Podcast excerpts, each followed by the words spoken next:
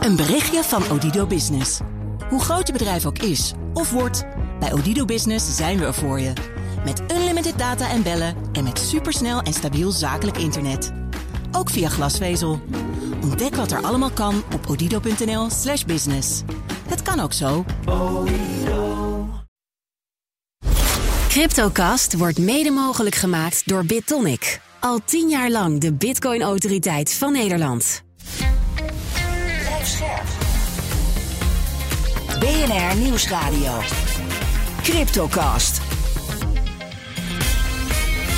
Herbert Blankenstein. Welkom in de Cryptocast met vandaag de oprichters van Gemini beginnen een rechtszaak tegen de Digital Currency Group nadat een eis van anderhalf miljard dollar niet werd ingewilligd. En AI die zelfstandig kan betalen met bitcoin. Wat moeten we daar nou weer van denken? Dit is Cryptocast nummer 280 met nu een half uur crypto nieuws op de radio. Met twee co-hosts vandaag. Jacob Boersma, blockchain-deskundige en oprichter van Warren Brandeis. Hallo. Hi. En andere co-host Daniel Mol, redacteur bij de Cryptocast en bij BNR Digitaal. Hoi. Goedemiddag Herbert. Wij geven geen beleggingsadvies voor om je eigen mening. Maak je eigen keuzes. Geef ons niet de schuld, want crypto kan lucratief zijn, maar is ook riskant. Oké, Gemini dus. De broertjes Winklevoss en de Digital Currency Group liggen met elkaar overhoop en dat conflict bereikt zijn kookpunt. Tyler en Cameron Winklevoss starten een rechtszaak omdat ze anderhalf miljard dollar die ze eisten niet krijgen.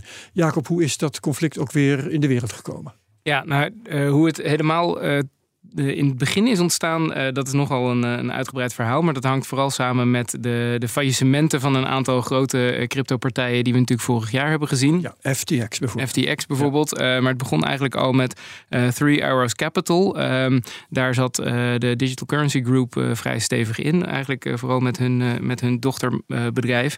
Um, Genesis bedoel uh, met Genesis. Ja. En uh, die uh, hebben in, in der tijd gezegd van... oh, maar dat maakt allemaal niet uit. Want we gaan dat, uh, dat, dat, die, die verliezen die kunnen we, kunnen we hebben. En dat, dat komt allemaal goed. Maar uiteindelijk bleek dat allemaal toch wel nogal wat lastiger te zijn. Zeker na het omvallen van FTX. Um, en dus heel veel um, bedrijven, crypto-bedrijven... die Genesis gebruikten eigenlijk voor hun... Um, uh, rente op uh, um, cryptocurrencies. Waaronder dus uh, ook de Gemini van de, van de Winkelvols broertjes. maar ook Bitfavo in Nederland ja, bijvoorbeeld. Ja. die gebruikten dat allemaal om hun um, tegoeden van klanten daar neer te zetten. Om, om daar rente op te krijgen. Maar die zijn dus uiteindelijk hebben die, al dat geld dus niet teruggekregen. en ja, die zitten allemaal nog te wachten op een aantal miljard aan, aan uitstaande bitcoin. Ja, en uh, Daniel, de winkelvosjes die uh, eisten dus anderhalf miljard dollar. Um, Waar uh, baseren ze dat op? Hoe uh, loopt die rekensom? Ja, dat is een beetje een gek verhaal. Uh, we weten dat de schuld aan earn-users, aan de, de, slachtoffers die, die bij Gemini gemaakt zijn door dat hele drama. Earn was het renteprogramma. Ja, precies. Ja, daar is in totaal 1,2 miljard verloren gegaan aan, aan ongeveer 300.000 klanten, verdeeld onder de 300.000 klanten. Dat weten we dat ze dat in ieder geval terug willen. Ja. Nu hebben ze een best and final offer gedaan op Twitter. Uh, van 1,46 miljard dollar. Nou, dat is dus flink meer dan die 1,2 miljard die ik net noemde. En uh, daar zit dus een flinke vooruitbetaling van 270 miljoen of zo uh, bij. En wat daar precies dan in zit, weten we niet. We weten dat Cameron Winkelvos in zijn open brief heel boos praat over bijvoorbeeld 100 miljoen aan proceskosten die ze tot nu toe hebben gemaakt. en ik denk verder dat ze er gewoon een beetje klaar mee zijn en dat er dat ze nu gewoon uh, geld willen zien of in ieder geval hun onderhandelingspositie voor de faillissementsprocedure echt willen gaan verbeteren nu. Ja, en verder maakt het uh, qua bedragen niet zo heel erg veel uit, want TCG is er toch niet op ingegaan. Hè? Nee. Uh, de, de eis werd gesteld in een open brief van Cameron Winklevoss aan persoonlijk aan Barry Silbert, de directeur van DCG, met allerlei beschuldigingen: fraude, cultuur van leugens en bedrog, vervalsen van de balans van zijn bedrijf en het missen van de betaling van, ik geloof, 630 miljoen dollar in mei. Dus allemaal ja. niet niks. Um, heftige beschuldigingen. Het is ook niet voor het eerst, want er was eerder al zo'n open brief. Mijn vraag aan jou is eigenlijk: kunnen wij beoordelen of dit allemaal waar is? Ja, dat vind ik heel moeilijk. Ik, uh, ja, we zitten ook niet aan die onderhandelingstafel uh, en we, we, hebben die gesprekken niet gevolgd. maar het is niet ontkend door DCG. Nee, en het feit is wel dat, dat uh, die winkelvolsbroers echt wel heel hard op de trom slaan, al maanden. Ja, wat ook niet zo gebruikelijk is in nee, het bedrijfsleven. nee. mensen nog door ja. en deur Nee, en het wordt echt op de man gespeeld. ik heb het idee dat ze echt bloed ruiken en dat ze denken, nou, we kunnen op, op zijn minst dus die onderhandelingspositie gaan verbeteren en anders pakken we uh, die Barry Silbert, dus de topman van het DCG, pakken we ook nog even aan. In die open brief, ja, ze, ze trekken de vergelijking met bijvoorbeeld Sam Bankman-Fried. Dat, is Ja. de, dat was de topman van FTX, die de hele boel toch heeft belazerd. En Ja. Nu wordt Barry Silbert een beetje in datzelfde hoekje geplaatst Ja. door de winkelvolsbroers. Nou, dat is geloof wel... ik iets als, eh, eh, je bent zelfs niet zo erg als, sorry, eh, S- Sam Bankman-Fried is niet zo erg als Ja, jij. precies. Nou ja, dat, dat, dat is echt wel, wel heel stevig. Dus eh, ja, ik... Maar ik, ik heb ook het idee dat ze, ze, ze willen die eh Silbert zelf eh, aanspreken. Omdat die natuurlijk wel heel veel vermogen persoonlijk heeft. Terwijl waarschijnlijk als je, zelfs als je nu een uitspraak zou krijgen van nou, DCG moet, moet dit allemaal terug gaan betalen. Dan gaat, gaat zo'n DCG gewoon failliet. En dan heb je nog steeds maar een klein stukje. Terwijl als je zo'n persoon eh, persoonlijk aansprakelijk kan stellen, ja, dan, eh, dan moet hij het in één keer met zijn Dus eigen dat, vermogen dat zou een strategie, onderdeel van de strategie kunnen zijn. Ik zou me zomaar kunnen voorstellen dat dat eh, een strategie is. Ja. Ja, wat zijn de eisen van Gemini? In, want die rechtszaak is intussen aangespannen. Hè? Er zijn document, documenten ingediend. Wat zijn de eisen? Nou ja, ze willen in eerste instantie gewoon geld zien. En die rechtszaak moet dan eh, duidelijk maken dat dat niet meer in een eh, soort gezamenlijk overleg uh, faillissementsprocedure terechtkomt. Maar dat het gewoon eh, zonder eh, overleg dat, dat Gemini dat geld gewoon gaat krijgen. Eh, d- desnoods moet de DCG dus eh, failliet daarvoor gaan. Ja. Ja. al dat soort, eh, dat soort eh, dingen. Eh, ze kiezen er ook voor om een soort blauwdruk eh, te gaan uitgeven om eh, allemaal rechtszaken tegen Barry Silbert en DCG te starten als dat en dat doen ze dus voor de klanten van dat urn. Ze zeggen wij geven het voorbeeld en anderen kunnen dit ja, volgen. en dan heb je dus eh, in potentie dus 300.000 rechtszaken. Nou, dat is, zo, Ja. zo ver zou het niet gaan, maar heel veel rechtszaken en dat, dat voert natuurlijk ook de druk op op deze Barry Silbert en DCG. Dus ja, ze Ja. kiezen er echt voor om het gewoon onwijs hard te spelen en ja. Dat, Ja. Ja, het maakt natuurlijk enorm complex, al dat soort rechtszaken. Ehm, eh, En de, de, eh, interessant is ook wel dat eh, het failliete FTX heeft ook een rechtszaak lopen tegen Genesis. Want die eisen ook nog eh, eh, een paar miljard aan cash en crypto die daar stonden. Ja. Eh, dus eh, iedereen, eh, zelfs eh, de, de, de partijen van eh, Sam Ban- voormalige partij van Sam Bankman-Fried, wil eh, ergens een graantje proberen Ja. mee te pikken. Dat is op zichzelf smullen trouwens. Hè? Hoe al die failliete bedrijven van elkaar geld eisen. Celsius, BlockFi. eh, Ja, nou, dat is typisch Amerikaans. Hè? Het, Ja. eh, gewoon eh, gaan suwen en hopen dat je wat krijgt. namens je schuldeisers. eh. Oké, ehm, maar er was een afspraak met DCG van een hele hoop bedrijven die nog geld kregen van deze. En Bitfavo was er inderdaad Mhm. één van.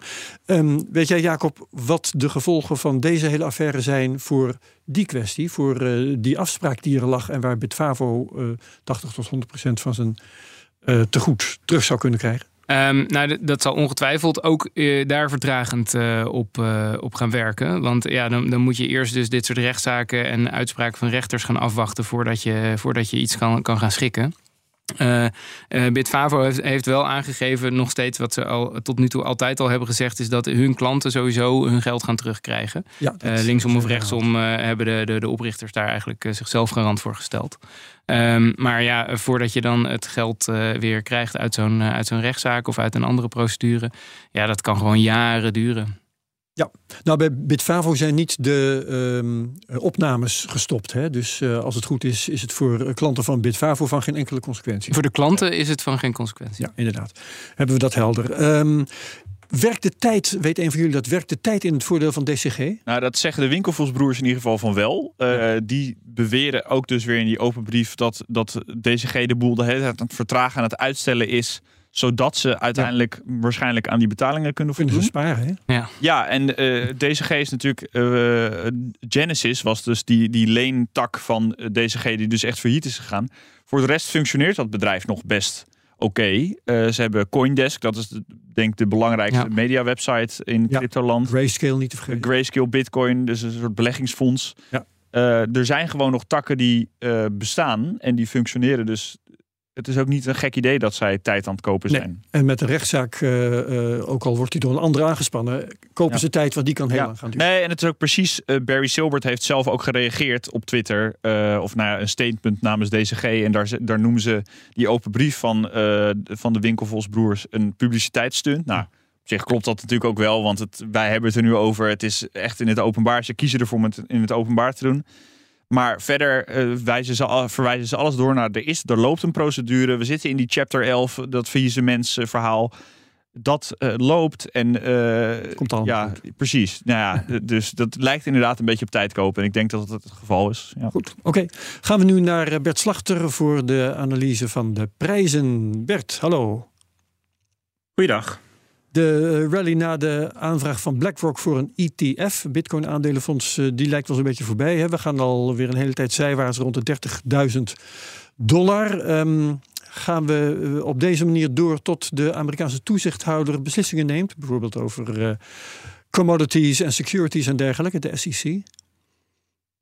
Ja, inderdaad, al drie weken tussen de 29,5 en de 31.500 dollar. Vraag en aanbod zijn blijkbaar in balans op deze koers. Ehm, ondanks het feit dat het al 90% hoger is dan de gemiddelde koers in november en december. En er is blijkbaar interesse, er is optimisme, er is kracht. En dat komt inderdaad van de verwachting dat er in de Verenigde Staten toch ruimte blijft voor crypto. En dan gefaciliteerd door grote gereguleerde partijen zoals BlackRock.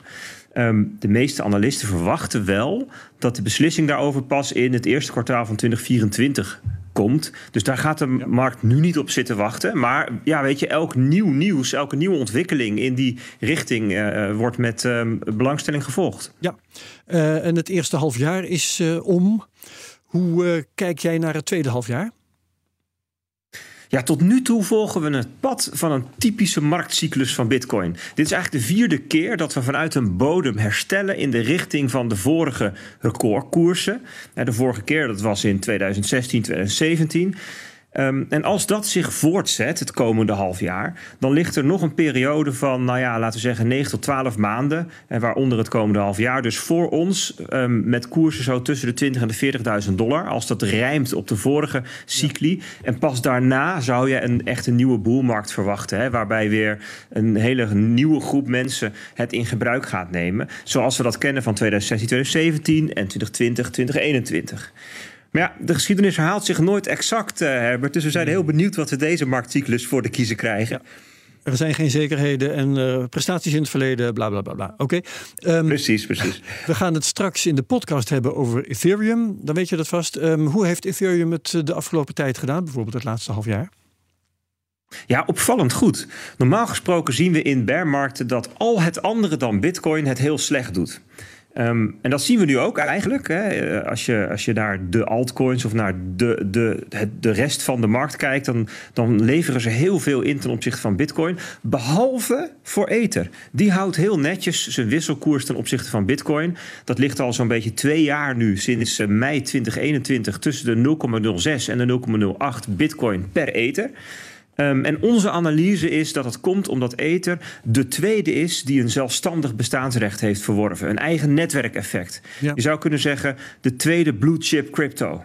Ja, en mogelijk ook eh, een commodity, als commodity wordt beoordeeld hè, in, eh, in Amerika. Ja, die, dat ligt wel uh, tot, behoort tot de mogelijkheden. Ja. Uh, komende week uh, komen er weer belangrijke cijfers aan. De Amerikaanse inflatiecijfers bijvoorbeeld. Wordt een daling verwacht, naar het schijnt. Um, wat denk jij en is dat goed nieuws?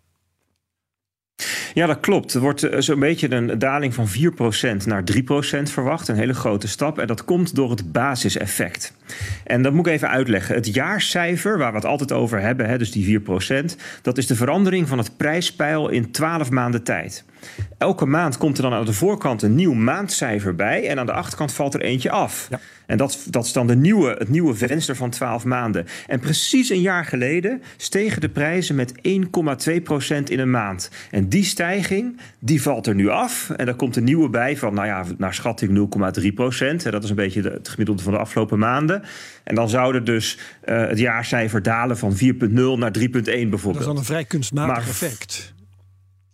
Klopt. Dus voordat we de vlag uithangen, moeten we heel goed gaan kijken naar hoe de inflatie van nu is opgebouwd. En waar centrale bankiers eigenlijk bang voor zijn, is dat de kerninflatie hoog blijft.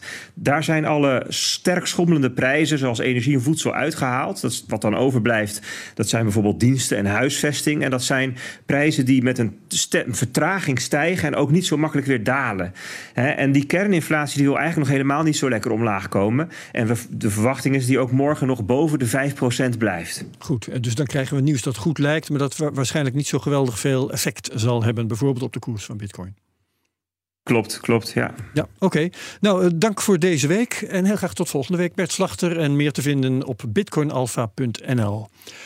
Lightning Labs, het team achter het snelle Lightning-netwerk eh, van Bitcoin, heeft ontwikkelaars de mogelijkheid gegeven om AI en Bitcoin te combineren. Dat wil zeggen, een AI zou zelfstandig diensten moeten kunnen afnemen en betalen in bitcoin. Wordt een nieuwe set gereedschap en die moet dan de ontwikkeling van eh, dergelijke apps mogelijk maken. Uh, Daniel, uh, da Daniel, moeten niet verengelsen hier, Daniel.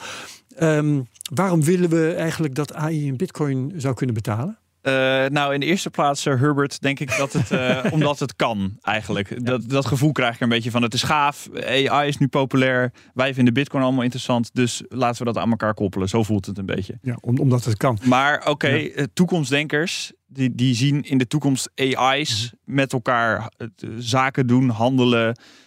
en daar is Bitcoin denk ik dan uitermate geschikt voor, omdat het dat open source internet native geld is. Ja. Wat iedereen zomaar kan gebruiken en waar je gewoon op in kan pluggen. In tegenstelling tot bijvoorbeeld PayPal. waarom zouden ze elkaar behandelen, eh, eh, betalen? Ik uh, kwam ergens tegen, ze, ze, ze, ze, elkaar moeten gaan raadplegen. De ene AI stelt vragen aan de ander om dingen te weten te komen. Ja, of taakjes, informatie te krijgen. uit te voeren, dat soort dingen. En, uh, dingen uitbesteden. Ja, in de toekomst heb je het dan over zelfstandige AI's. En dan zou dit inderdaad een scenario kunnen zijn. En, Maar het gaat er, AI wil ook betaald kunnen worden door, door niet-AI's. Dus eh, de, de, je kunt ook uh, denken aan micropayments voor het gebruik van bepaalde AI-toepassingen. Um, en ja, de, daar lenen uh, dit soort uh, blockchain-based betalingen zich natuurlijk wel heel goed voor. Omdat ze natively door, door machines kunnen worden gebruikt. Ja, uh, dat is op zich iets wat, wat, je, wat, wat we natuurlijk al heel lang eigenlijk uh, zeiden, al bij het begin van, van Bitcoin. Een van de voordelen van Bitcoin over normale uh, betaalsystemen is juist dat je het alles via API's kunt doen. en dan is met Bitcoin base layer betalingen is dat natuurlijk waarschijnlijk iets te clunky. Maar juist met Lightning duur, ja. is, dat, is het natuurlijk perfecte, ja, eigenlijk een perfecte match. Ja, en uh, kun jij iets vertellen, Jacob, over hoe die uh, gereedschappen van Lightning Labs dan zouden gaan werken? Ja, dus ze maken eigenlijk gebruik uh, van twee ehm, bestaande uh, protocollen, of die, die, die breiden ze eigenlijk uit. Dus je hebt het L402-protocol, uh, um, wat, wat al gemaakt was om allerlei authenticaties te kunnen doen, gelinkt aan Lightning-transacties. En uh, aan de andere kant heb je dan LangChain. En dat is een, een, eh, een, een library die uh, juist uh, het makkelijk maakt om met allerlei AI-agents dingen te doen met externe functionaliteiten. Dus je, de, de, dat heb je natuurlijk nodig om die twee aan elkaar te knopen. je wil dat zo'n AI dus naar buiten toe dingen kan, kan gaan doen, opdrachten kan gaan geven, betaalopdrachten of, of payment requests. En aan de andere kant heb je een ingang nodig voor dat, voor dat Lightning-netwerk. Ja. Ja, en die twee eh, aan elkaar eh, geknoopt uh, zorgde, zou er dus voor moeten zorgen dat je heel makkelijk allerlei betaaltransacties kunt, kunt gaan doen. Ja, um, maar je, je ja, weet wel waar je aan begint, zou ik bijna zeggen. Niet tegen jou persoonlijk, tegen de wereld of de, de crypto-wereld of de AI-wereld. Want ja, is AI daar zelf eigenlijk wel klaar voor? En moeten ze niet ook gewoon omzet hebben om betalingen te kunnen doen? Wat je geld moet dan toch ook ergens vandaan komen voordat je het uitgeeft. En wat vindt de belasting daarvan? Uh, ja, jij nou, wat voor beerput we uh, opentrekken als we dit gaan doen? Het is, het, dit is natuurlijk niet uniek voor, voor AI. Het, uh, maar het wordt denk ik nu, het krijgt meer aandacht omdat AI natuurlijk heel veel aandacht krijgt. Maar het gaat er in, in, in, in de breedte natuurlijk om van wat gebeurt er als je een, een apparaat hebt of een stuk software wat zelfstandig eigenlijk economische handelingen kan gaan verrichten.